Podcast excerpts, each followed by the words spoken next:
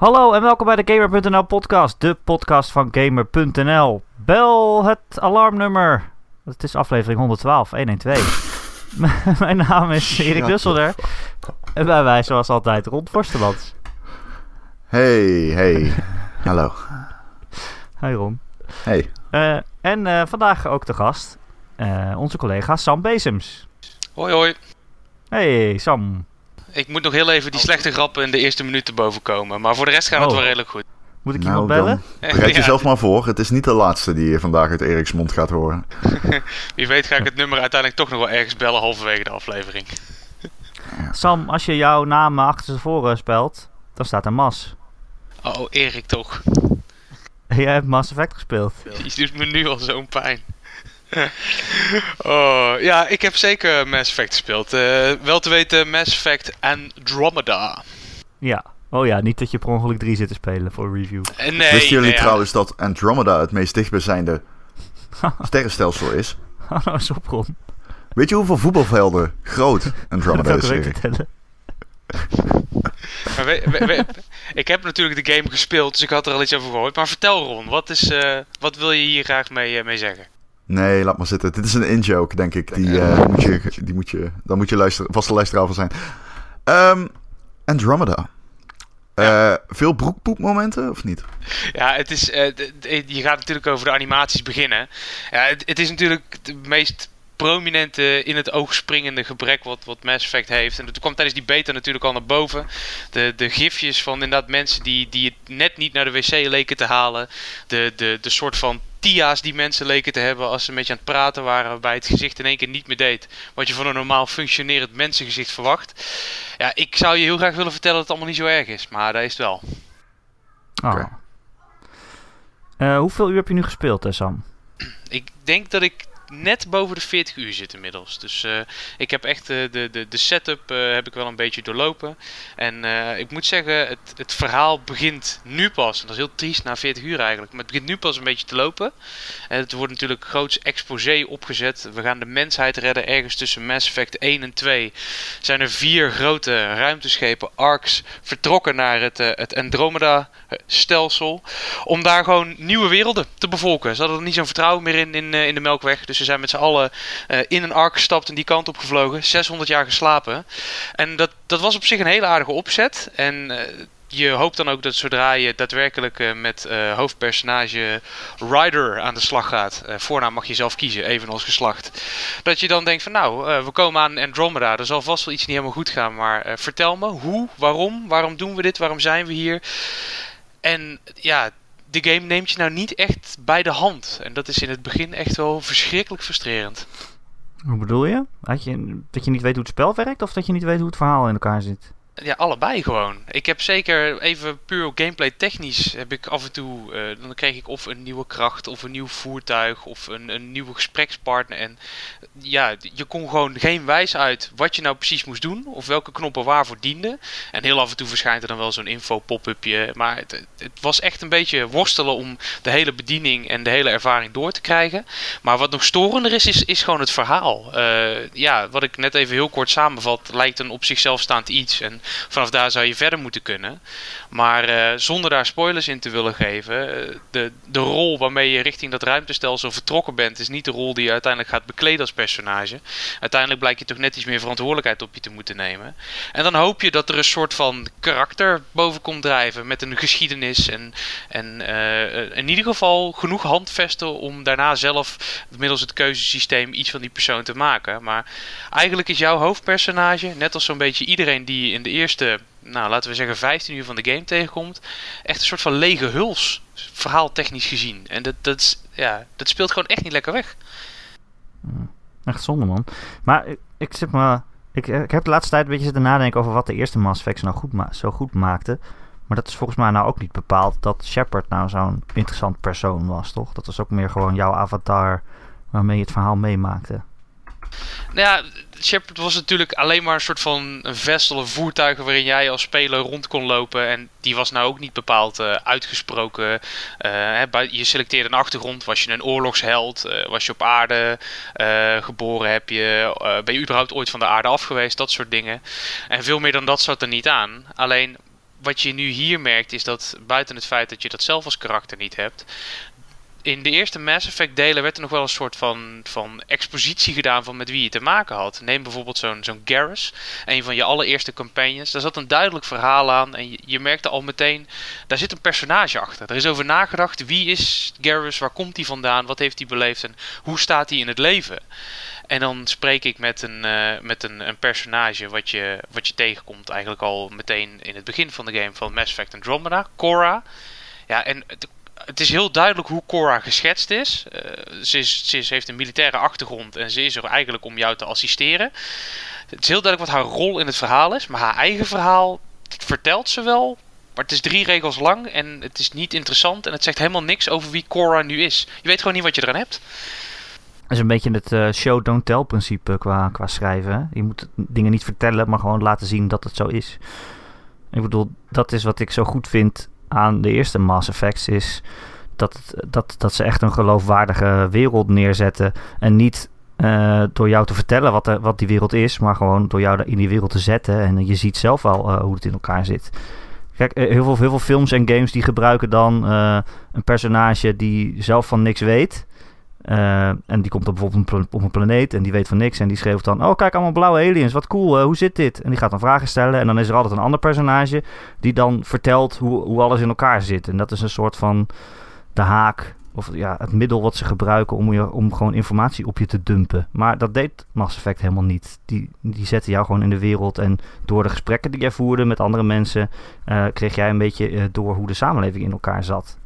En dat was juist zo sterk. En ik heb het gevoel dat dat in Andromeda. Ik bedoel, ik heb zelf nog niet gespeeld hoor, maar wat ik aan, aan plaatjes uh, zie en, en aan gifjes en aan, aan, uh, aan stukjes film, dat, dat dat juist helemaal niet erin zit. Dat je gewoon alles aan je verteld wordt, in plaats van dat je het zelf onderzoekt. Ja, er zit inderdaad een stukje minder beleving in. Ik kan me in, in een van de eerste Mass Effect delen nog herinneren dat je komt uit een periode waar heel veel van de de, de hoofdrassen die je tegenkomt, uh, Turians, die Asari en nog een paar andere, die komen uit een conflict waar iedereen op de een of andere manier bij betrokken is.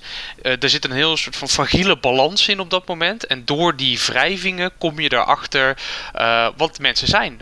of wie, wie de, de personen, de aliens om je heen zijn. Want ze botsen wel eens met elkaar, ze geven hun visie erop. En er is een soort van heel mooi middel in het, in het centrum, die fragiele vrede waar iedereen iets over te zeggen heeft, waardoor je die personen leert kennen en de staat van de wereld leert kennen. En dat doet op het gebied van show, show don't tell. Alleen nu ga je Mass Effect Andromeda allemaal met neuzen dezelfde kant op. Er is duidelijk besloten, jongens, we gaan niet meer lelijk tegen elkaar doen. Uh, er is geen fragiele vrede meer. We zullen het allemaal moeten te rooien met elkaar. Iedereen gaat op uh, zo'n zo'n arc zitten. En we maken er het beste van. En dan moet je iets anders hebben. Dan moet je iets anders hebben waarin je dus dat, dat, dat verhaal aan op kan hangen. En dat, dat mis ik gewoon heel erg. Uh, ja, we willen natuurlijk niet het verhaal spoilen. Uh, maar dan de vraag, hoe zit het met uh, de morele uh, keuzes die je misschien wel of niet kunt maken? Ik weet, ik weet eigenlijk helemaal niet hoe het verhaal gaat verder. Maar Mass Effect was, was natuurlijk echt dat je op een gegeven moment echt tergende keuzes moest maken over het wel en wee van de wereld, zeg maar. Ja, en ze waren eigenlijk altijd zwart-wit. Goed of slecht. En heel duidelijk ook. Ja, nou vind je? Ja, nou, het Paragon uh, Renegade systeem was wel redelijk, uh, redelijk oh, tweeledig. Ja, maar ik bedoel meer... Kijk, ik vind bijvoorbeeld uh, de Genophage uit de ja? eerste drie Mass Effects... vind ik een van de best geschreven, complexe, morele vraagstukken in, in games, in gameverhalen die ik ooit gezien heb. ja? Ik weet niet, voor mensen die dat niet weten, misschien uh, dan zal het ook een beetje een spoiler zijn voor Mass Effect, uh, de, de, vroegere trilogie, zeg maar. Maar de Genophage is, is een ziekte uh, die, die de Krogans hebben. De Krogans is een soort heel sterk ras. en door die ziekte ja, zijn ze niet meer vruchtbaar. Of maar 1% van alle vrouwen is vruchtbaar. En die ziekte die is gemaakt door de Assyrians. Dat is meer het wetenschappelijke ras, zeg maar. De Salarians. De Salarians, sorry, ja, ja, wat zeg ik nou? Uh, Salarians, om, omdat die Krogan de universum dreigde over te nemen. En dus hebben ze zo'n soort van uh, ja, klem erop gezet dat ze niet te veel kunnen uitbreiden. Maar ja, waarom werden die Krogan zo sterk? Omdat ze zelf een zetje hebben gekregen om de Ragnar uit te schakelen. Dat weer een heel ander ras was die ook het universum dreigde over te nemen. En dan ga je dus de vraag krijgen van... oké, is het goed dat we die Krogans zo uh, uh, ja, handicappen? Omdat anders het hele universum eraan gaat. Maar ja, ondertussen zijn die Krogans zelf wel heel zielig... en, en zitten ze in de put en, en is, is, niemand vruchtbaar, zeg maar. Uh, is dat goed of is dat slecht? Moeten we dat opheffen of niet? ja, ik vond dat, dat... dat zijn nog wel echt morele vraagstukken... waar niet echt zozeer een goed of slecht in zit, vind ik. Nee, nee, maar die, die is ook heel knap gedaan. Want je ziet, weet je, daar werd ook nog ingegaan op niet alleen uh, het was een middel om, ze, om, ze, om die Krogans tegen te houden. Hè. De Salarian homeworld dreigde aangevallen te worden door Krogan. Dus uh, werd de Genophage in het leven geroepen. Maar die delen gingen ook heel erg in op wat doet dat nu op een sociaal-cultureel niveau met een bevolking. Ja, precies. Elke Krogan die geboren werd, moest en zou een succes worden. En die werd helemaal tot het einde gepusht. En als er ook maar bleek dat er één greintje zwakte in zat, ja, dan, dan moest het niet kans zijn dat die 1% van de kindjes van jou als zwakke krogen kwam. Dan werd je ook afgemaakt. Dus medelijden, compassie, uh, al empathie, al dat soort dingen, dat had een krogen niet. En dat is grotendeels het gevolg geweest van die genophage. En dat zijn de, de, de grote ethische vraagstukken die in Mass Effect wel op, in ieder geval in de eerste drie delen, op meerdere punten behandeld werden. Ja, nu is het toch een soort van uh, goody two shoes. Uh, we zullen het allemaal met elkaar moeten doen. Laten we lekker vriendjes blijven. En vergis je niet, er zit echt nog wel spanning in. Hè? Ook zo'n genophage wordt nog wel genoemd. Maar er wordt dan en passant wordt dan iets over gezegd. Van, oh ja, dat was eigenlijk best wel kut. Maar ja, ik heb hem... Ik, ik, zit, als Krogan zit ik met een Solarian aan boord. En ja, hij maakt mijn eten. En als ik geen eten heb, ga ik dood. Dus uh, ja, we're kind of all good. En hmm. daar wordt heel makkelijk aan voorbij gegaan, aan die geschiedenis die erin zit. Natuurlijk moet je daar niet in blijven hangen, want je gaat naar een nieuw stelsel, je wil nieuwe dingen ontdekken. Maar um, het maakt zoveel ruimte voor iets nieuws en weet dat niet zo makkelijk in te vullen met zulke interessante vraagstukken als ja, bijvoorbeeld de Genophage. Ja, jammer man, want dat was echt wel... Dat is echt wel wat ik, een van de dingen die ik zo cool vind aan, aan Mass Effect. Is gewoon die samenleving en de spanningen daarbinnen. En hoe jij daarmee omgaat. En, en hoe je dat oplost. Hetzelfde geldt voor die Quarians bijvoorbeeld. Een slavendrijvend ras dat zelf een robotras uitvindt om, uh, om als slaven te gebruiken, maar die vervolgens uh, uh, juist zelf aangevallen wordt door, door, door die robots. En ja, dan ook weer de vraag, moet je dat dan zielig vinden of niet? Ja, het lastige is ook dat je, weet je, je er is niet voor gekozen om, om heel veel nieuwe rassen te introduceren. Want dat was het ook. Je hebt het nu over de Quarians. Die hebben een complete eigen backstory. De Asari hebben een eigen backstory. Zelfs de, de, de Hanar, ik weet niet of je die nog herinnert. Die, konden, ja. die, die moesten letterlijk met woorden uitdrukken hoe ze zich voelden, omdat ze geen intonatie of iets dergelijks kenden. Alles had zoiets aparts. Je had zoveel rassen te ontdekken. En ook al had je Mass Effect 1 gespeeld en elke ras een keer gezien, in 2 was er nog genoeg ruimte om iets te doen daarmee. Nou, nu ga je met een vrij bekende club rassen ga je naar Andromeda toe. Er komt wel een nieuw ras bij. Kan je ook meteen vertellen het is niet echt een spoiler, maar dat is dan ook het ras wat jou dwars zit. Waar je, dat is de, de vijand waar je tegenop moet boksen. En daar wordt ook echt wel wat interessants over gezegd. Maar dat is maar één ras. Dat, daar wordt wel wat in gediept. Maar omdat het de tegenstander is, is er ook niet heel veel moeite in gestopt om te laten begrijpen waarom het je tegenstander is. They're kind of a bunch of assholes. En, hm. en, en dan nog een klein beetje. Dat is het enige wat ze doen. Ja, Oké, okay, uh, zonde. Ja, ik kan nu alleen maar denken, wat waren die eerste Mass Effects eigenlijk goed? Ja, maar uh, Ron, heb, heb, jij, heb jij die eerste Mass Effect gespeeld? Ja, heel even. Nou, heel, heel even. Ik heb wel gespeeld gewoon. Maar ik heb hem nooit echt uh, in een lange zit of zo gedaan. Maar je bent wel tot het einde gekomen of heb nee. je halverwege gedacht? Halverwege dacht ik, fuck deze shit. ik ga Halo doen. ja, maar ja, dat, dat zal dan meer aan de gameplay liggen of niet, want als shooter was het natuurlijk niet echt uh, je van het. Het, uh, nee, het lag meer aan mijn games. Ja, nou ja, ik weet niet. Ik, ik, ik speelde het, het is een goede game, maar ik hou niet zo van Bioware games. Het trekt me niet zo. Ik uh, ga Andromeda wel spelen, maar ik wacht nog even totdat ik andere games eerst uitgespeeld heb. Maar wat, ja. wat vind je dan niet leuk aan een, aan een Bioware game? Ze voelen niet af. Ik vind ze vaak triviaal en ze voelen niet af. En dan moet je. Ik hou juist van een simpel idee dat heel gestroomlijnd is. In plaats van een heleboel ideeën, maar waar je dan inlevert op afwerking. Ja, nou dan moet je misschien overwegen om Mass Effect en Andromeda nog iets langer te laten liggen. ja, die overweging heb ik dus ook Is gemaakt. het, eh, is het erg gesteld met de bugs? Ja, nou, o- in het begin dacht ik, nou, als het alleen die gezichtsanimaties zijn, dan is het al op zich redelijk kwalijk. Maar dan, dan is het dat. Daar, daar ben ik op ingesteld. Maar ik weet ook dat als ik op een gegeven moment. eh, je hebt ook weer een voertuig. eh, en als je daar uitstapt, dan moet eerst de halve wereld inladen. Daarnaast eh, gaan er dan links en rechts schaduwen aan en uit. Want ik weet niet, de zon, de zon knippert even of zo. En ehm, uiteindelijk eh, dan denk je, nou, het is allemaal ingeladen. Ik loop in de omgeving rond, eh, nou, level 100% geladen. Ik moet alles kunnen zien. En dan doe je een deur open en dan loop je tegen een onzichtbaar object aan. En in één keer plop, springt er een stoel in en die vliegt dan half door de kamer. En ja, het is, het, het is echt erg gesteld. Het is... eh, Hoort het er niet bij? nee. Het ras van de vliegende stoelen? nee, het is. Het, ja, ik had het echt. Ik had zo graag gewild dat het, dat, het, dat het wel af was. Of in ieder geval zo af als de eerste Mass Effect delen. Want ook daar heb je. eh, Er werd voornamelijk gewerkt met echte hubs. Waarbij eh, je bijvoorbeeld een ruimtestation had. En dat ruimtestation, eh, daar liepen dan mensen rond. Daar waren verhalen te ontdekken. Daar kon je met iedereen praten.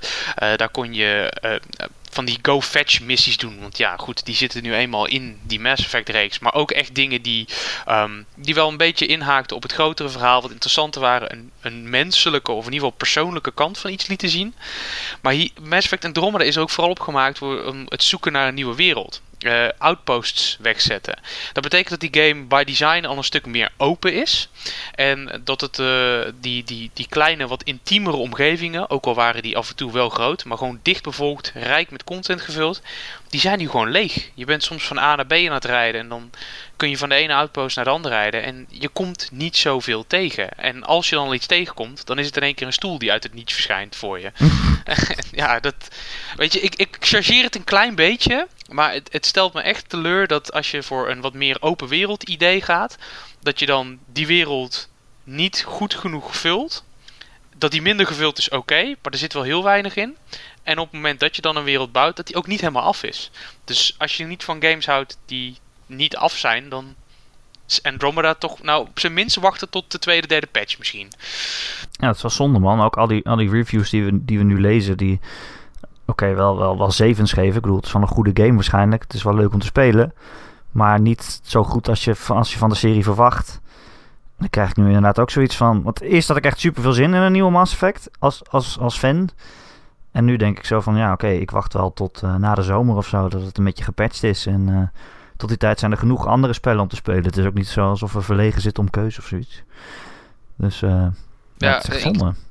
Ja, het, het- ik moet wel zeggen, want er mogen ook positieve dingen gezegd worden. In het begin Ah. is het dan niet zo heel veel, maar zeker als je ergens rond de 20 uur een bepaald punt voorbij komt, dan begint het verhaal in één keer eh, op gang te komen. Het lijkt net alsof, alsof dat hetgeen is waarom Mass Effect geschreven is. En dat is voor de eerste 20 uur een stagiair erop gezet hebben en gezegd van nou, weet ik veel, lijm het maar aan elkaar en zorg maar dat je tot dat punt komt. Want je merkt daar dat in één keer het, het schrijfwerk wat in, in eh, nou bij Vlagen, zeker in Mass Effect 2, echt eh, geniaal te noemen was, dat daar Ja. nog steeds iets van in zit bij BioWare. Dat, dat inderdaad de meerdere verhaallijnen eh, en dan wel weer het stukje persoonlijkheid en, en van elke ras, dat dat naar boven komt. En dat komt ook tot een soort van ja, eh, eerste climax die, die echt heel gaaf is. En vanaf dat moment heb je het idee, oké, ik ben een Mass Effect game aan het spelen. En voor die Ja. tijd ben je eigenlijk een soort van alleen maar daar naartoe aan het werken. Ja, het ziet er ook uit alsof het echt gewoon, gewoon lui geschreven is of zo. Ik zag een plaatje van... eh, dan, dan vraagt Ryder aan iemand eh, van... Hey, hallo, hoe kom jij op deze planeet terecht? En dan zegt diegene... Nou, ik was vroeger op een andere planeet... en daar werkte ik in, een fabriek... en toen was ik nog een man, toen heette ik Paul. En, maar eh, ja, ik voelde gewoon dat ik niet eh, mezelf kon zijn daar... dus toen eh, ging ik naar een andere planeet... om daar als vrouw verder te leven. En nu heet ik eh, eh, zo. En denk ik, ja... Niemand praat zo. Als je die voor het eerst ontmoet... dan gaat niemand dat, dat hele levensverhaal vertellen. En al helemaal niet de naam die hij had voordat hij eh, van, van gender veranderde, zeg maar. Dat is echt pas wel een dingetje volgens mij. ja, precies. Dat gaan ze echt niet zomaar eh, de eerste keer Hallo, ik ben iemand... Captain Marshall. Hallo, ik ben Elsa. Vroeger heette ik Johan. Ik ben Ja, naar een andere planeet gegaan. Nee, zo werkt het niet. Zo werkt het Dat niet. is, dat is nou echt eh, show don't tell, maar dan verkeerd om. Dat is gewoon... Dat je gewoon meteen je hele levensverhaal gaat vertellen. Dat is zo lui schrijfwerk. En eigenlijk best wel een beetje beledigend ook. eh. Ja, en ook op emotioneel vlak. Er zit, er zit een, uh, een, een moment al vrij vroeg in de game. Dan kom je een van je mogelijke companions tegen. Een Asari die, die PB heet.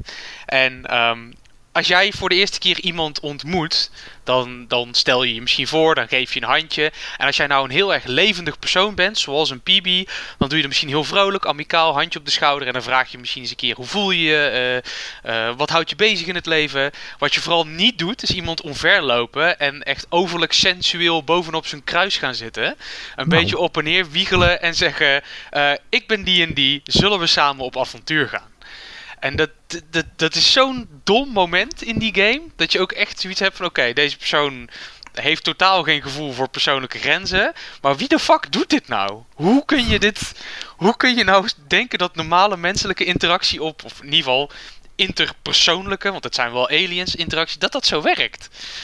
En zeker een Asari, hè, die erom bekend staan dat ze rationeel analytisch zijn en zo. Dat zal wel haar catch zijn. Oh, dat is zij juist niet. Zij is de, de vreemde eend in de bijt en dat maakt haar dan interessant. Maar het klopt wat je zegt, die, die interactie die is zo geforceerd en zo too much too soon. Dat je het moeilijk wordt om iemand serieus te nemen.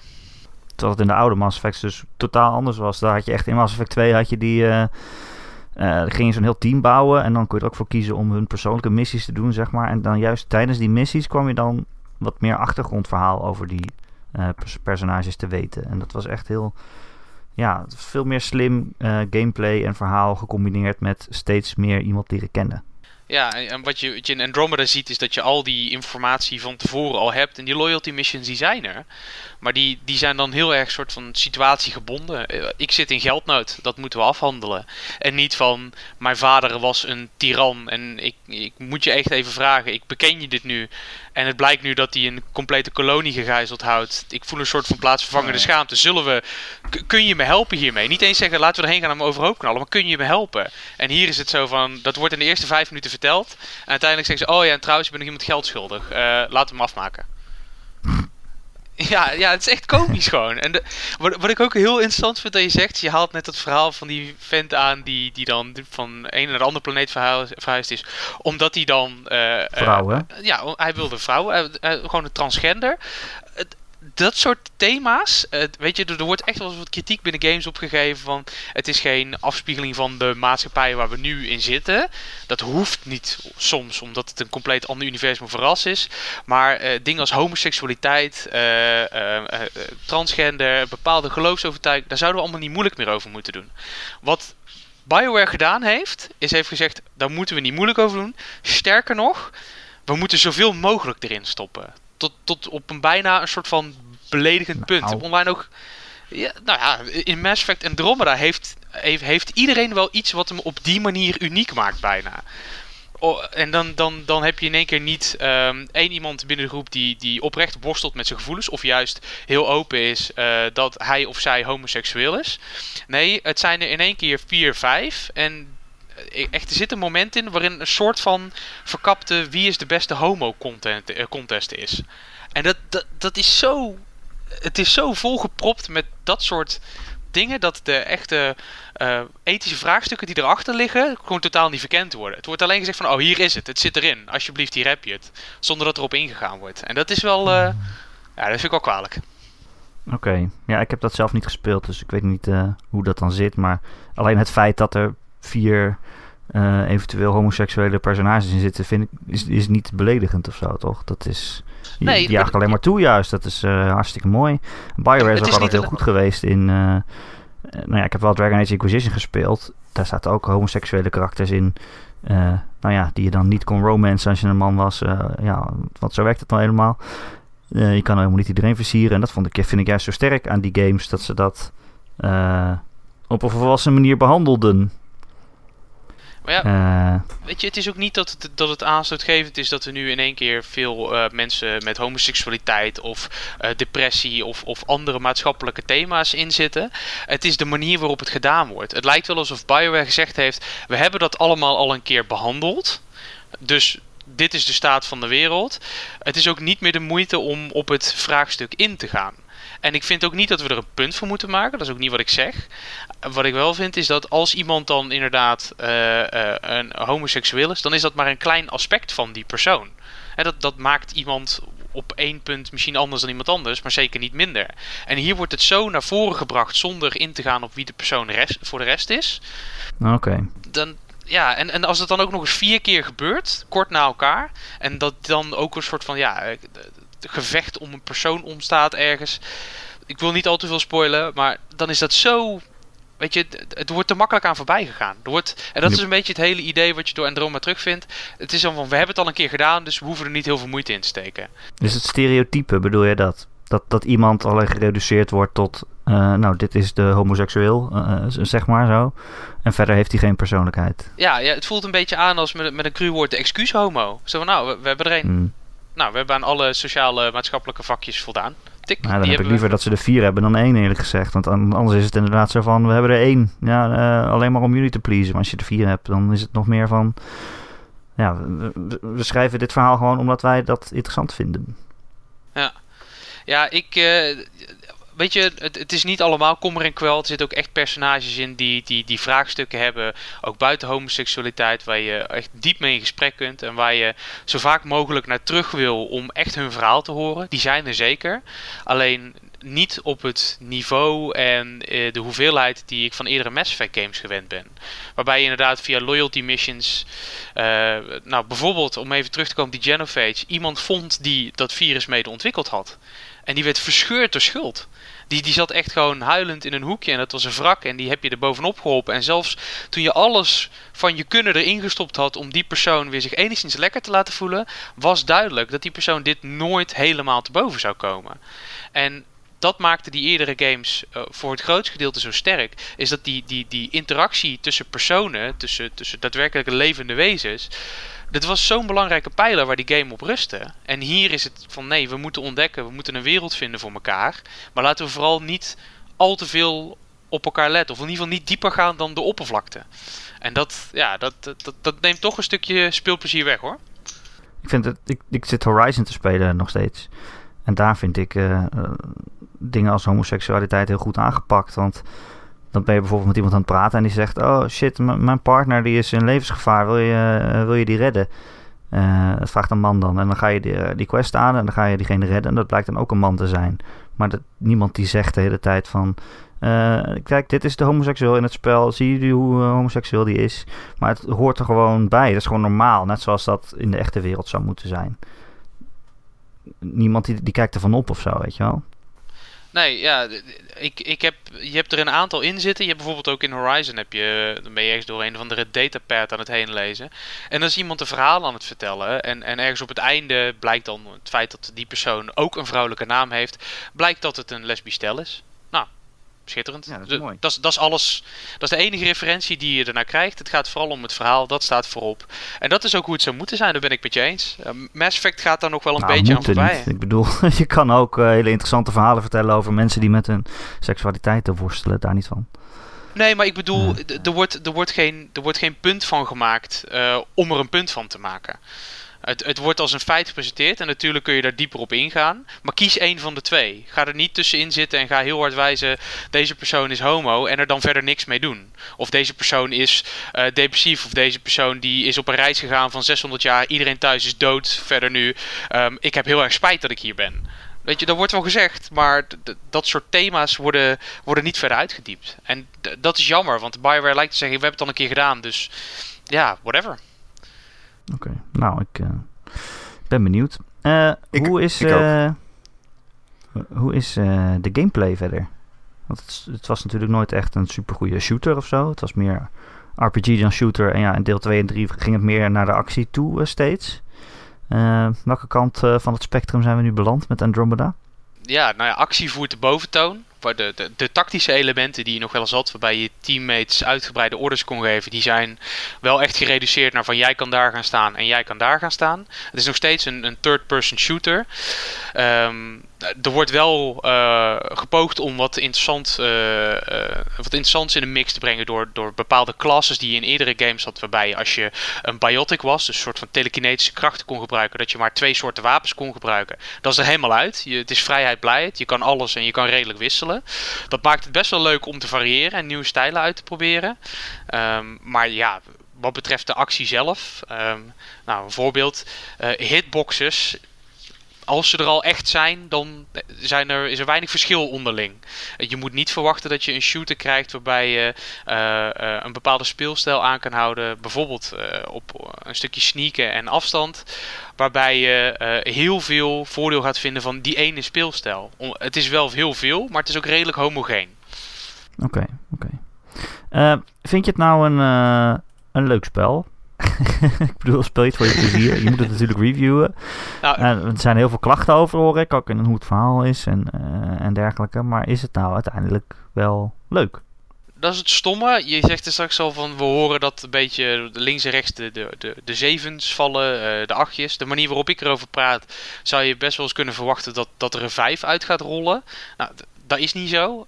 Waar het hem in zit en wat wel echt plezier brengt, is dat zeker richting meer richting de, nou ja, laten we zeggen, na een derde van de game, na een uurtje uh, over 20, want de, de main storyline, daar ga je vermoedelijk wel tussen de 50, 60 uur in kunnen stoppen. En dan ben je er ook wel met een zijmissietje links-rechts.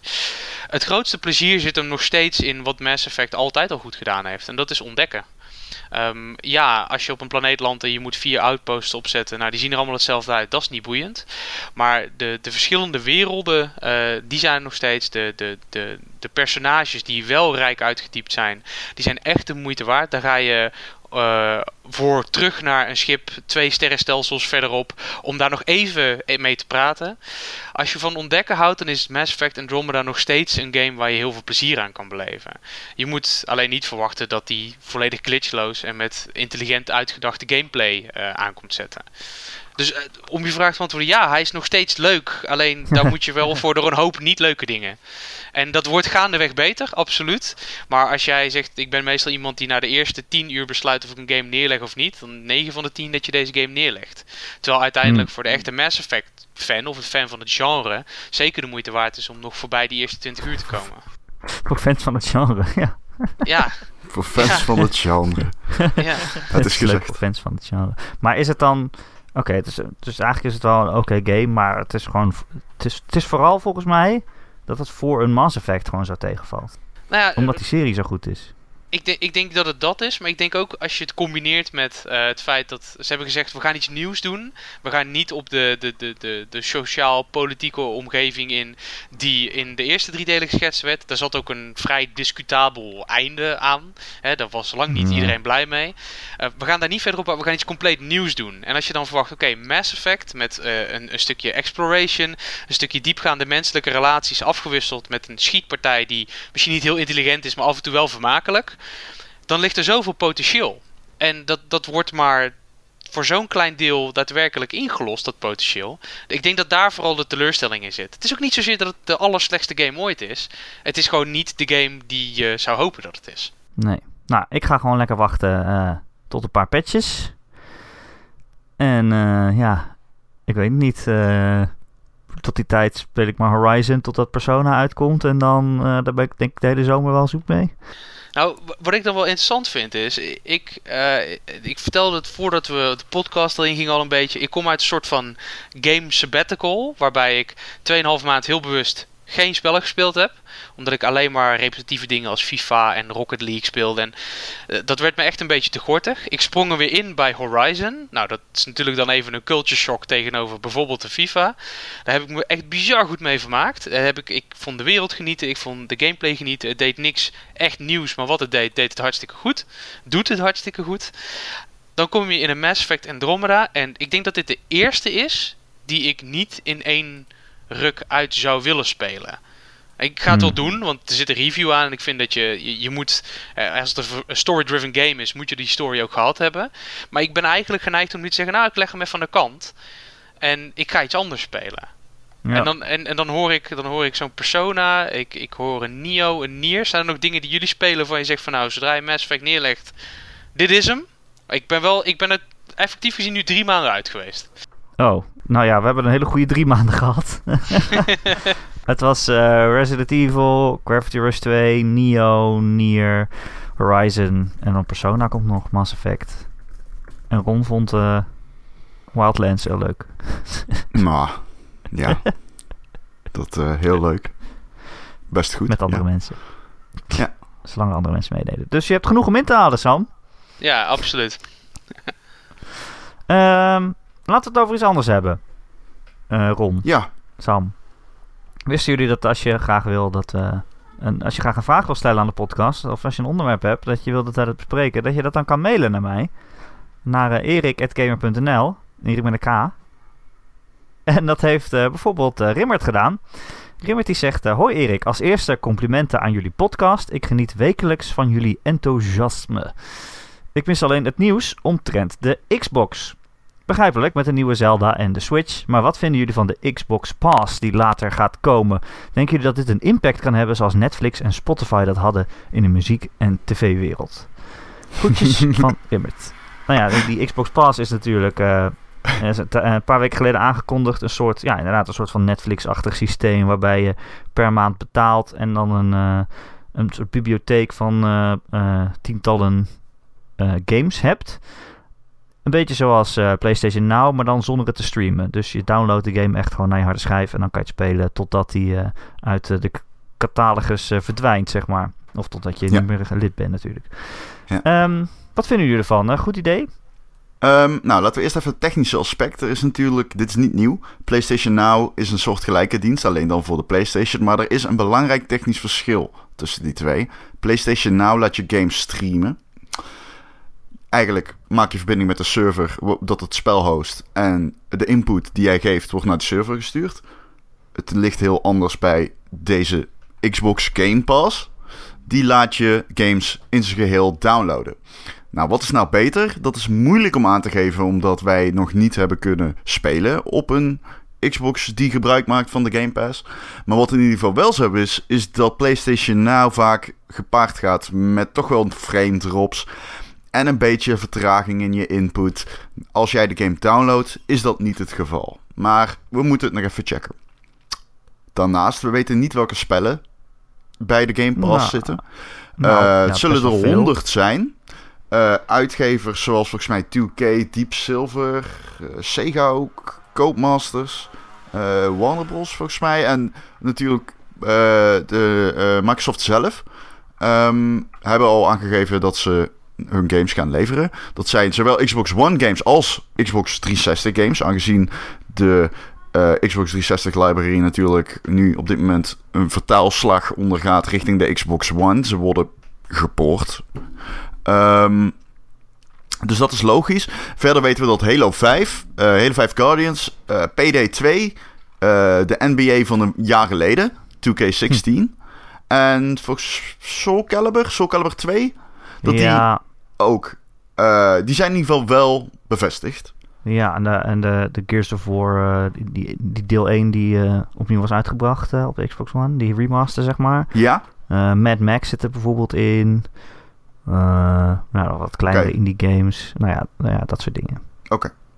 Dus, die zitten erin. Ehm, wat vind, is het vergelijkbaar met Netflix? Nee. Wel in opzet, al is het natuurlijk, het blijft streamen. Netflix, dit is downloaden, maar is het, eh, eh, het is een abonnement voor een catalogus aan media. Eh, Ja. Maar Dus wat het dat is betreft is het specifiek Alleen wat dat betreft. Maar het is maar voor één platform. Maar één platform. Voor de Xbox One. En ehm, ja, dat maakt het beperkter in opzet. Kijk, dat, dat, dat gaat natuurlijk in, dat is inherent aan het succes. En het zal nooit vergelijkbaar kunnen worden met Netflix. Maar ja, ik weet niet of dat een serieuze vraag is, want dat lijkt me volledig logisch. Maar dat is. Ja. Ik weet niet, ik, ik vind het moeilijk om daar echt wat van te zeggen. Omdat ik denk dat wij gewoon in een heel andere positie zitten dan degene voor wie dit bedoeld is. Ik bedoel, wij hebben... eh, eh, redelijk eh, disposable income, denk ik, af en toe geld uit te geven. En we krijgen ook games als we ze reviewen. Wij spelen gewoon heel veel de nieuwste games. En dan is dit allemaal, voelt alweer een beetje als oude meuk. Ook al is, is zo'n Halo 5 of Mad Max pas twee jaar oud of zoiets. maar weet je, als jij een gamer bent en je hebt een Xbox One en je hebt gewoon niet zoveel geld om games te kopen. Stel je hebt, je hebt geld voor twee games per jaar of zo. En je kan in plaats daarvan kan je dit abonnement kopen dat je inderdaad 100 games hebt. En dan maakt niet zoveel uit dat ze ouder zijn omdat je ze gewoon nog niet gespeeld hebt. Dan is het echt wel een goede deal, toch? Ja, nou ja, ik, ik, ik denk dat het heel interessant kan zijn. Maar alles valt en staat met de titels. Want de, de games, als je twee, geld hebt om twee games per jaar te kopen, dan koop je uh, volgens mij, maar goed, zoals ik zeg, wij, zoals je al zegt, we zitten niet in diezelfde positie. Dan koop je volgens mij games waar je lang mee door kan. En uh, dan zou je zeggen dat de FIFA's, de, de Call of Duties, of in ieder geval de, de wat grotere games, dat dat degene zijn die je doet. Niet de game die hartstikke goed is, maar je wel maar 12, 15 uur gameplay geeft. En uh, daarom moeten ook wel de titels ertussen zitten die de moeite waard zijn van het. Uh, er moet een goede balans tussen zitten tussen de games die je wil blijven spelen. En de games die de moeite waard zijn van het oppakken. Van als ik toch een tientje per maand betaal, dan zit hij erbij. En als het dan de vergelijking trekt naar Netflix. Ik, ik heb dan toch wel eens Netflix aangezet. Want ik heb het nog steeds. God knows why. Want ik heb de helft alles al gezien. Echt? Ja, nou, ja nee, ik heb geen leven. Ja, niet, dat, dat sowieso niet. Ik bedoel, maar je bent gestopt met gamen, dat was het.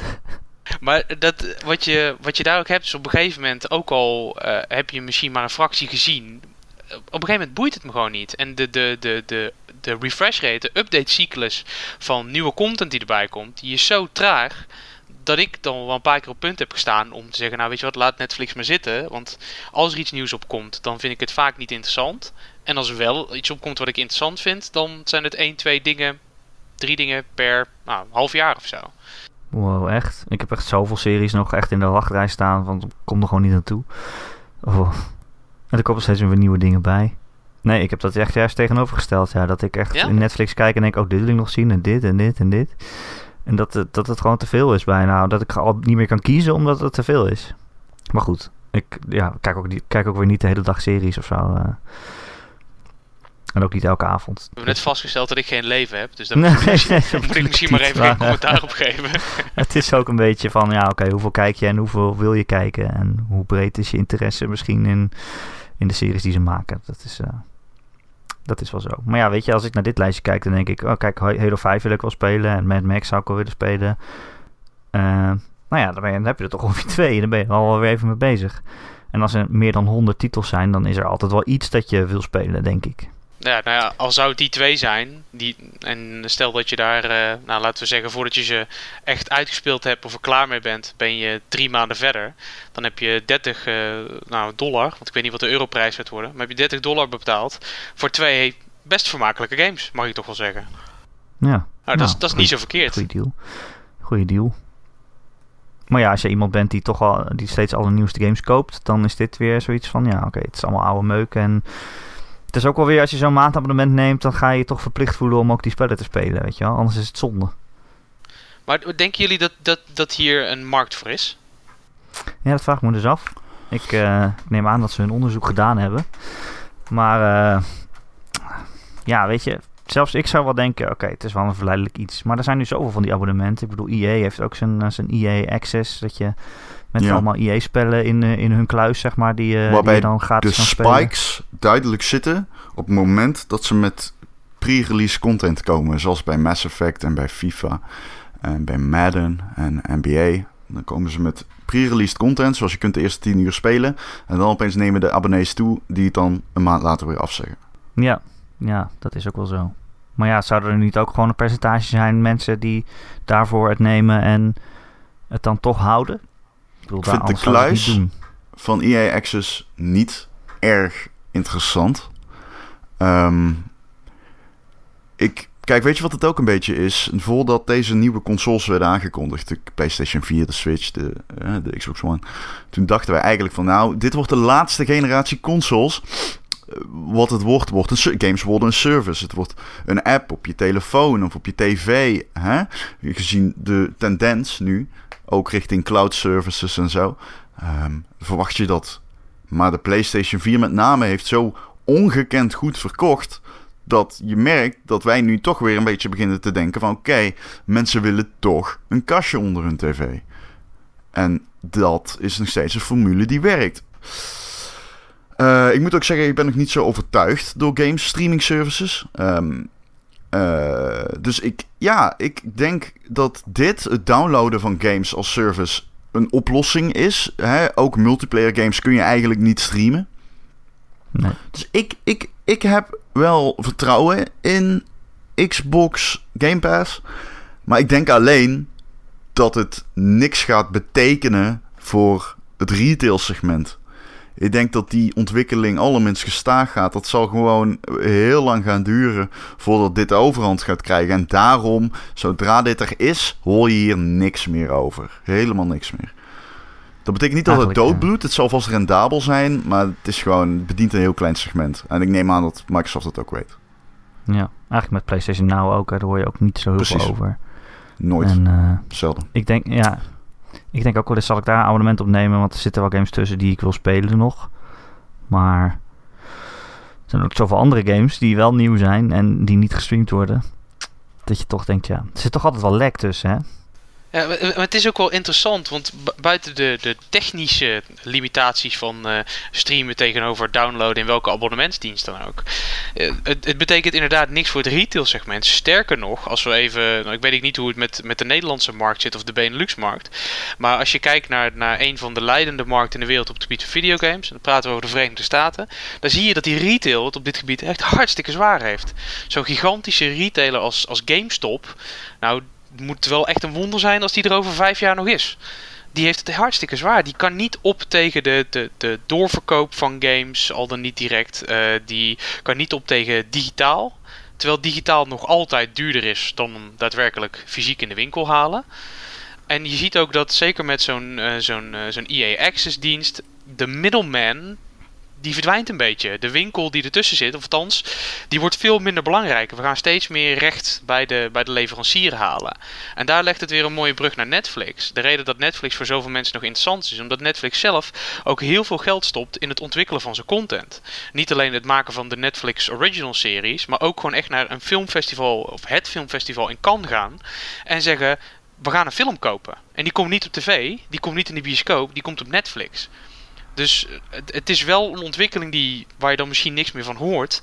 Maar we gaan een aantal van deze diensten krijgen. En ze zullen gaandeweg misschien een beetje evolueren. Maar denk ik wel belangrijker worden. Ze worden wel belangrijker, maar ze zijn te versplinterd. En dat is het nadeel. Het grote voordeel van Netflix is dat je het op een wijze, een apparaat naar keuze kunt, um, kunt uh, gebruiken. Um, ja. Dat kan niet met Xbox Game Pass. Het gaat daar wel heen, merk je een beetje. Maar we zijn daar nog, deze industrie is daar nog niet rijp voor. Omdat het nog te veel versplintering kent. En um, dat, dat, dat, dat, dat is tijdelijk. Dat gaat verdwijnen. Dat klinkt misschien nu niet logisch. Maar het gaat een keer verdwijnen omdat ontwikkelaars steeds belangrijker worden dan uitgevers. En als je dat extrapoleert, dan krijg je dus dat ontwikkelaars de overhand krijgen. Hè, grotere budgetten, meer marketing, meer aandacht. Uh, dat is een tendens die door kan trekken vanuit indie gaming. Dus ja, dat gaat een keer komen. Uitgevers gaan verdwijnen, spel, platformafhankelijke games gaan een keer verdwijnen. Maar de, we hebben nog wat stappen te zetten voordat wij dat proces waar... wij zitten nog echt in de begin, begin, begin tijdagen van wat Netflix allemaal al lang heeft overwonnen. En als ik nou, als ik nou een kleine zijstap maak, want ik, ik ben het met je eens, hè, dit is waar we heen gaan. Natuurlijk heb je nog altijd meerdere partijen die hun eigen systeem weg proberen te zetten. Een, een, een Sony, een Microsoft, een Nintendo, die zetten allemaal nog steeds een kastje onder je, onder je scherm. Maar als we het nu hebben over de PC-markt, gaat het niet straks zo zijn dat, dat de, de consoleboeren het verschrikkelijk zwaar krijgen omdat om een game te draaien uh, met dezelfde kwaliteit en mogelijkheden op een console, kun je voor een heel redelijk bedrag een PC aanschaffen. En dan is je game vaak nog eens een stuk goedkoper ook. En ook die kan met een controller werken en onder je televisie staan. Worden die dan niet veel minder belangrijk? Is dit niet hun, hun soort van wanhopige stok tussen de deur van blijf bij ons, want wij bieden dit? Ja, ik denk dat PC's uh, nog altijd te ingewikkeld zijn voor de voor het consolepubliek om over, op PC over te stappen. Uh, ja, mensen willen gewoon een kastje uh, onder een tv zetten en dat alles dan gelijk werkt. En een snoertje erin en, en hoppa gamen. Dat, dat is wat de mensen willen. Dus uh, ik denk meer dat we in de toekomst dat misschien de, de volgende PlayStation, de PlayStation 6, is misschien is, is geen kastje meer, maar is een app die op je, op je super smart TV zit over tien jaar. En het is gewoon een, een dienst. Misschien Misschien dan uh, wordt het dan gestreamd of wordt het gedownload of, of, of, of, is het cloud-based of zo, weet ik veel. Maar het is geen kastje meer, het is gewoon, het is gewoon een soort uh, app. Dat denk ik. Ja, dan hebben we ook helemaal geen PC's nodig of wat dan ook. Het is een beetje koffiedik kijken natuurlijk. Want ja, we, kunnen ook niet meteen zeggen hoe het gaat. Al zien we die tendensen wel. Maar ik vraag me gewoon af, wat is... Kijk, dat je voor een tientje in de maand uh, meer dan 100 games brengt. En daar zitten best leuke tussen, vind ik sowieso een leuk initiatief. Er zijn echt wel mensen die daar gebruik van gaan maken. Maar wat is nu het strategische belang? Want je zegt over 10 jaar hebben we een PlayStation 6 app. Waarom download ik de PlayStation 6 app en niet de Xbox app? Zijn er dan nog steeds ex exclusives? Of... Nou ja, waarom uh, koop je nu de, eh, de, PlayStation en niet de Xbox? Ik bedoel, die zijn in principe eigenlijk ook hetzelfde, behalve dan die exclusives die erop zitten. Dus uh, ja, dat blijft dan misschien hetzelfde. Maar de concurrentie is ook goed, hè? Want als je maar één bedrijf hebt die dat doet, dan kunnen ze zoveel geld vragen als ze willen en uh, hoeven ze niet meer super hun best te doen. Dus wat dat betreft is het alleen maar fijn. Maar ja, ik denk dat dat dan hetzelfde blijft, inderdaad. En misschien komt er een nieuwe speler. Uh, dat weet je natuurlijk niet. Maar uh, ja, zo gaat het wel werken. Maar weet je, uh, tien jaar geleden zeiden we ook... over tien jaar zijn er geen consoles meer. En kijk waar we nu zijn. Dus uh, het duurt dat allemaal toch wel iets langer dan dat je denkt. En het gaat ook alweer iets anders dan je kan voorspellen. Dus je weet het niet. iets anders, wat eigenlijk ook uit de mail van Rimmert blijkt. tenminste, hij zegt... ik mis het nieuws omtrent de Xbox. Daar hebben we het nooit over. Eh ja, nou, ik mailde ook naar hem terug. Ja, ik speel eigenlijk nooit meer op mijn Xbox. Die ligt een beetje stof te happen. Ik heb helemaal geen reden om dat ding aan te zetten. Hebben ik uh, de laatste tijd ook steeds minder. Ik heb een Xbox One, alleen uh, ik speel niet meer zoveel op, omdat ik Overwatch nu ook voortaan op mijn PlayStation speel. Het, wat wel nog een ding is, is dat ik, uh, terwijl er hier een Vespa langskomt, gereden. um, die druk zie je Ik, die Xbox Elite controller is zo super fijn. Die oh. Xbox Elite controller is echt zo fijn. Dat is de fijnste controle die ik ooit heb gehad. Waar zit hem dat dan in? In die triggers, in alles. Het is gewoon een veel betere controller. De vorm, ik vind sowieso ergonomisch gezien de, play, de Xbox controller beter dan de, de PlayStation. Maar um, ik vind ook dat alle opties op die controller, en dan met name die twee pedals, ja, die zorgen er bijvoorbeeld voor dat ik veel beter Overwatch kan spelen. En dat is echt geen nerd overbodige nerdzooi of zo. Van oh shit, ik wil MLG Pro zijn, dus ik heb van die twee extra pedaaltjes op de achterkant nodig. Nee, die zijn echt, die zijn echt handig. Omdat je met je ringvinger nog extra input kan geven of met je middelvinger. Uh, dat is echt super handig. Dat, uh, ik heb dat, dat, dat moet je niet onderschatten hoe belangrijk dat is. Maar dat is geen reden om een Xbox te blijven uh, gebruiken. Of, of wel? Nou ja, ik kan me best voorstellen als je Overwatch speelt en je moet... Ik baal er wel van dat ik niet mijn Xbox controller op de PlayStation kan gebruiken. Dat is voor mij een reden om terug naar de Xbox te gaan. Want ik ben gewoon veel beter dan... Maar je speelt nu nog steeds wel op je PlayStation en niet op je Xbox. daar zit de sociale kring natuurlijk. Dat heeft de overhand. Ja, ik, ik, ik heb precies hetzelfde wat betreft de, de, de Xbox. Hij staat bij mij ook in een hoekje stof te happen. Nou was ik, ik was nooit al fan van de, van de layout van de, de Xbox, de menustructuren. En, uh, maar goed, dat, dat is dan een klein ongemak. Maar ik heb een redelijk versplinterde vriendenbase verspreid over Xbox One en over PlayStation. En toch, als er een game komt, ga ik altijd eerst op zoek naar het hoesje met het blauwe strookje bovenaan. En ik kan het niet eens zo goed uitleggen, maar het, het is meer... Ik vind de controle van de, van de, van de PlayStation, uh, die DualShock, vind ik uh, tegenover de gewone standaard Xbox controller wel fijner. Maar ja, dat zal wederom smaak zijn. Ik heb ook niet de grootste handen. Wat dat verder over mijn fysiek mag zeggen, dat uh, laat ik helemaal aan jullie. Tiny maar ik, ik, ja, ik vind toch... Uh, ik, ik kan het niet eens goed uitleggen. En dat vind ik nog het vreemde. Ik heb het ook al eens opgezocht van... joh, waarom vinden andere mensen nu dat die Xbox minder is? Maar ik kan geen eenduidig antwoord vinden. Nou ja, ja nee, ik eigenlijk ook niet. Ja, ze, hebben natuurlijk... Uh, aan het begin hebben ze aardig wat fout gemaakt in de PR-afdeling. Waardoor iedereen... Uh, eigenlijk van de Xbox af eh, ging. En op een gegeven moment krijg je zo'n beweging en dan krijg je inderdaad wat Ron zegt. Nou, mijn vrienden hebben een PlayStation 4. Dan ga ik ook voor de PlayStation 4. En dan, dat momentum is dan niet meer te stoppen. Eh, ja, als iedereen eenmaal op de Sony-trein zit, dan is het moeilijk om, eh, om ze er weer vanaf te krijgen, zeg maar. Terwijl Xbox echt de laatste tijd heel veel dingen goed heeft gedaan. Hè. Backwards compatibility was natuurlijk echt een, eh, een, een slag eigenlijk tegen Sony. En ja, dat, ze proberen wel weer te laten zien dat ze er voor de gamer zijn. Maar ze hebben aan het begin zo erg eigenlijk de gamer een beetje in de steek gelaten. Dat die, eh, ja, die smaak zit er nog aan. Ik heb wel zin in ik Sea of Thieves. Ja, Sea of Ja. Thieves, ja. Nou, heb ik echt wou net zin in. zeggen eh, dat van de games die eruit zijn gekomen, die er nog aankomen, echt de exclusive games, dat er ook weer dat er veel minder in zit. eh, ja, dat het eigenlijk minder is. Dat, dat kan ik wel zo zeggen. Ik bedoel, we hebben dit jaar voor de PlayStation dan eh Nio gehad en Gravity Rush dan, oké. maar je hebt Horizon en, en Persona komt eraan. Dat zijn ook allemaal exclusives. eh. en, en bij de Xbox heb ik toch veel minder dingen waarvan ik denk, oh, dat moet ik echt spelen. Ik denk dat er voor de, voor de PlayStation zijn er wel meer exclusives die me aanspreken.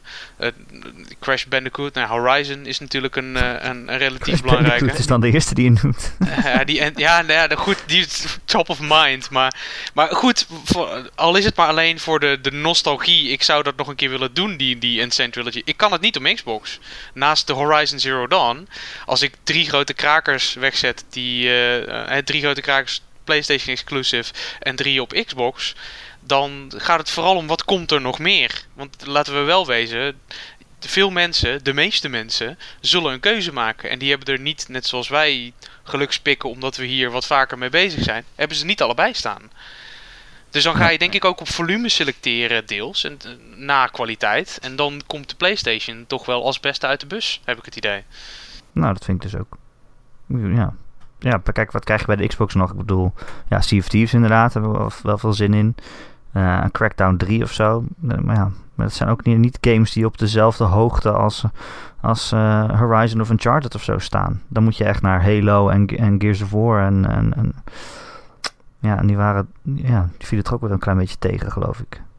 Ja, en wat Dus ja, heb je verder dus nog? Cuphead. Cuphead. Cuphead, oh dat ja. is wel oh, heel tof, maar ja. Ik denk dat de Cupheads in deze wereld, dat, dat is de reden dat de Xbox er nog steeds staat en niet al lang op marktplaats beland is. Want er is nog, de, als je er dan twee hebt, dan is er nog altijd wel zo'n game waarvan je denkt, oh fuck, maar die moet ik spelen. Zo Sea of Thieves, nou, ik heb dat dan iets minder, maar ik kan dat wel snappen. Dan denk ik van ja, maar als ik hem nu wegdoe, dan laat ik hem compleet aan me voorbij gaan. En dat wil ik dan ook weer niet. Maar ja, ga jij voor Sea of Thieves en Cuphead en ah, de andere, ja, Crackdown, ik weet niet eens wat er verder nog exclusief is, ga je een Xbox kopen nu. Ook Ja, al is goedkoop. ja, maar ja, kijk, dat vind ik altijd zo'n makkelijk argument. Want je gaat voor geen één, één enkele game een console kopen. Nou ja, ja, behalve Zelda dan kennelijk, want dat doet iedereen. maar, Ja, maar ik vind één game nooit een goede reden om een console te kopen. Dat moet gewoon een optelsom zijn. En ja, die optelsom vind ik er positiever uitzien dan bij Sony dan bij Microsoft. Nou ja, weet Nou. je, Microsoft eh, die gaat een eh, goede E3 hebben, denk ik. Die gaan die, die Scorpio laten zien. Ik ben nou wel heel benieuwd naar wat ze daarmee gaan doen. Of ze echt een soort van eh, nieuwe generatie gaan inluiden zonder het echt zo te noemen. Of dat het een soort van veredelde PlayStation Pro wordt. Dat vind ik wel heel interessant. En nou ja, ik denk... ja, ze moeten wel met iets komen in ieder geval. Volgende week komen wij ook weer met iets. Namelijk een nieuwe Gamer.nl podcast. Die kun je elke maandag Mhm. downloaden via onze website Gamer.nl. Je kunt hem ook eh, dan eh, luisteren via Soundcloud. Of je kan je abonneren op een van de vele podcastfeeds ter wereld. Nou, bijvoorbeeld iTunes. Dan krijg je vanzelf op al je Apple producten. En als je er toch bent, vinden we het heel fijn als je een keer een review achterlaat. Eh, het liefst de vijf sterren, maar je, hè, hè, je mag zelf weten hoeveel sterren je ons wil geven natuurlijk. Dan kan je ook een klein tekstje achterlaten wat je ervan vond. Eh, en ja, als je dat doet, dan zijn we weer beter, luist- eh, beter vindbaar voor nieuwe luisteraars. En dat is hartstikke fijn en gezellig. Eh, heb je een vraag of een opmerking voor de podcast, dan kun je mij mailen. erik.gamer.nl Erik met een k.gamer.nl Of je laat gewoon een reactie achter in de comments onder het bericht waar je deze podcast vindt. Op maandagochtend op gamer.nl. Een site trouwens die niet meer in beta is, jongens. Yay! Jee, jee. Het CMS is nog altijd een chaos, maar jee! Daar hebben de gebruikers geen last van.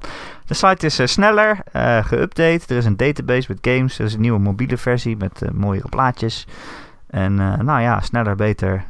Eh, bekijk het op gamer.nl. Bigger, better and more badass. Precies. We moeten Cliff Blazinski een keer uitnodigen in de podcast.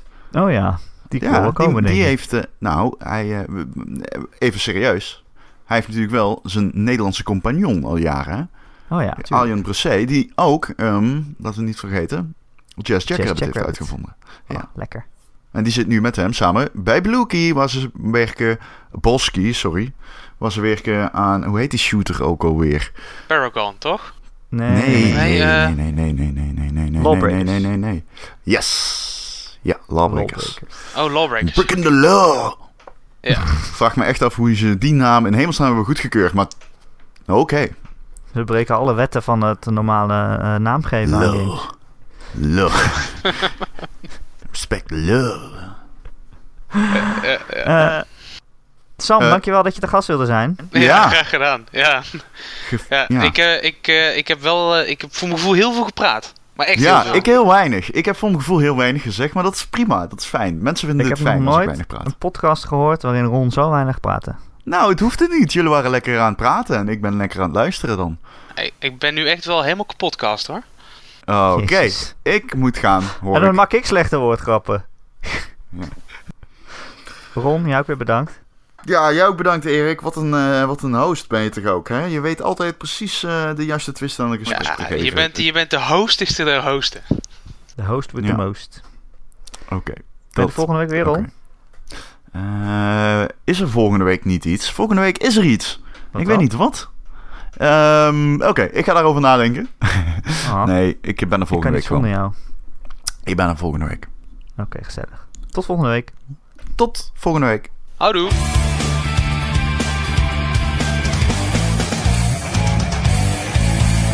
Eh, ik- het is privé wat ik volgende week ga doen. Echt? Ja? Ik, het heeft je- wel betrekking op de moeder van Erik. Ga je trekken op de moeder van Erik? Dit is een grap die jij zelf maakt nu. En ik wil me hier graag van distancieren.